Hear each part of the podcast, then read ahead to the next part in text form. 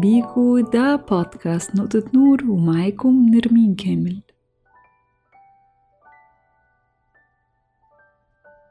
كلنا عندنا أحلام وطموح ونفسنا نحقق حاجات كتير في حياتنا وبنحط وقت ومجهود وبنخطط علشان في الآخر نقدر نعيش حياة كويسة مش كده ولا إيه؟ لكن ساعات بتحس كأنك بتزق في حيطة بتزق بكل قوتك لحد ما بتحس إن خلاص ما بقاش عندك أي طاقة وفي الآخر الحيطة دي ما بتتحركش ولا حتى ملي واحد. وتبدأ تسأل نفسك طب ما أنا بتعب وببذل مجهود لكن ليه من غير فايدة؟ وتحس هنا بإحباط ولخبطة تحس كأنك مسحوب مع التيار ومش عارف هياخدك على فين. كأنك ماشي في طريق لكن الطريق ده ملوش نهاية ومش بيودي لأي حتة. حاجة كده زي أسطورة سيزيف.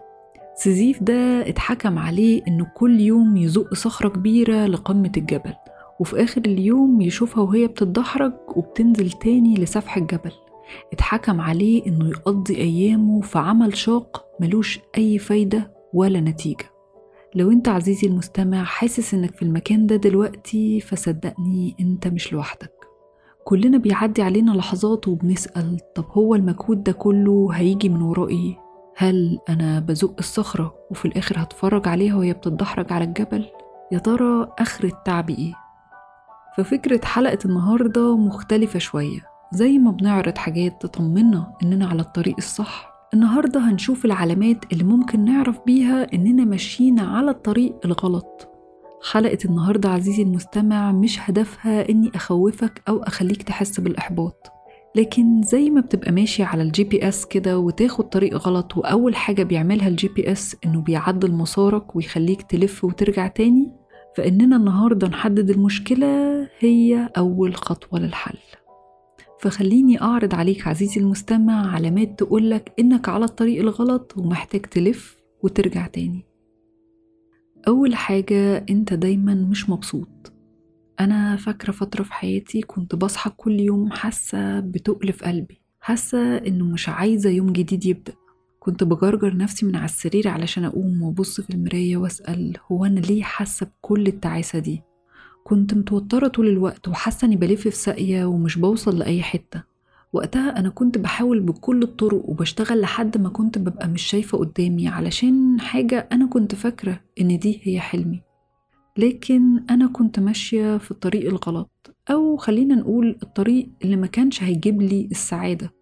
والحياة طبعا مش كلها وردية وجميلة وأكيد الواحد بيعدي عليه لحظات حزن وقلق كتير قوي. ومش المفروض إن الواحد كل مرة يتضايق شوية أو يحس إن الموضوع صعب بيقول لأ أنا كده على الطريق الغلط. لكن لو أنت طول الوقت تعيس مش بيعدي عليك ولا لحظة تحس كده من جواك بالرضا عن اللي بتعمله أو كمان في العلاقات ممكن الطريق الغلط ده يبقى علاقة غلط صداقة غلط أو علاقة حب مع شخص مش مناسب.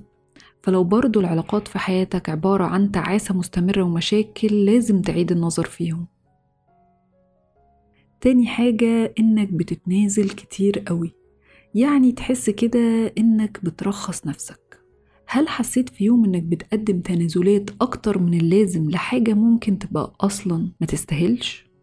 وكل مرة بتتنازل علشان الأوضاع تتحسن أو علشان المشاكل تقل لكن تلاقي بعد كده بقى التنازل حاجة متوقعة منك. ومع الوقت بتبقى هي دي الطريقة اللي بتتعامل بيها لحد ما بتصدق من جواك إنك ما تستاهلش أكتر من كده. وبعدها بقى بيجي الخوف. الخوف إنك لو خسرت الشخص أو الحاجة اللي معاك دي مش هتلاقي زيها. الخوف من التغيير حتى لو كان الوضع مش عاجبك. وبتلاقي نفسك كده مشلول في مكانك. فلو بتقدم تنازلات أكتر من اللازم فأنت غالبا على الطريق الغلط. تالت حاجة بتكون مرهق طول الوقت. اتكلمت في حلقة فاتت عن التوتر المزمن واللي بيكون مرتبط بمشاكل مستمرة أو إنك حاسس بعدم الرضا أو التعاسة في حياتك. التوتر ده بيسبب الإرهاق الجسدي وبتحس كده باستنزاف تام. والغريب هنا إن ممكن تكون بتنام كويس لكن بتصحى كل يوم حاسس إنك مرهق وجسمك مكسر. الإرهاق هنا ممكن يكون طريقة جسمك بيحاول يقولك بيها إن في حاجة غلط وخد بالك. رابع حاجة بتحس بالوحدة. في نوع معين من الوحدة كده بيجي للواحد لما بيكون على الطريق الغلط وده مختلف تماما عن كونك وحيد بعيد عن الناس. لكن النوع ده من الوحدة بيكون وانت في وسط الناس. لما بتكون حوالين ناس مش فاهمينك كل ما تتكلم معاهم تلاقي محدش فاهم انت حاسس بإيه والموضوع يا ينتهي بمواعظ وحكم أو بتريقة وتقليل من مشاعرك. بعدها بتبص كده حواليك وتحس بالانفصال عن الواقع وانفصال عن العالم. بتحس كأنك عايز تهرب وتجري بعيد.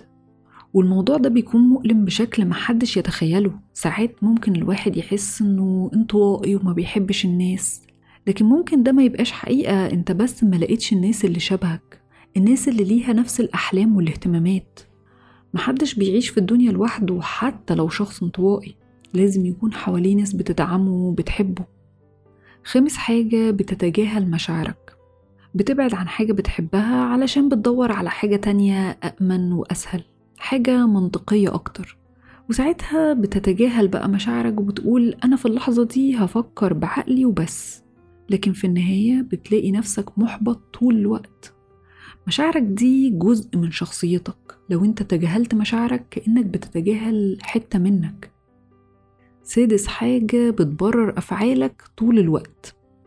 لو انت بتبرر أفعالك طول الوقت اللي حواليك ممكن ده يكون معناه إنك مش راضي عن اللي انت بتعمله فبتحاول تلاقي مبرر. كأنك من جواك عارف إن في حاجة غلط وبتحاول تقنع نفسك بالعكس. لكن هنا في حاجة مهمة. ممكن برضو إنك بتبرر أفعالك طول الوقت علامة إنك في وسط الناس الغلط أو مش حاطط حدود تخلي الناس ما تتجرأش عليك.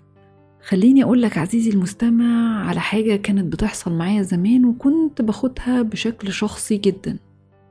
في أي تجمع عائلي كانت الناس بتحب تعمل كده حاجة ممكن تبقى بتحصل مع ناس كتير. كانوا بيعملوا عليا حفلة.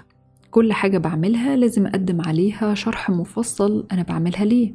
وبيكون مصاحب ليها طبعا إفيهات سخيفة وتعدي واضح جدا عليا من باب التسلية. لكن لما كبرت شوية فهمت هما ليه كانوا بيعملوا معايا أنا بالذات كده. أنا اللي ما كانش ليا ظهر. أنا اللي ما كانش حد بيحميني وكنت مشاع. وكل واحد بقى كان جواه شوية نقص كان بيطلعوا عليا في شكل هزار. بس بعد كده اتعلمت أعمل حدود. ومحدش بقى يعرف يعديها أيا كان هو مين.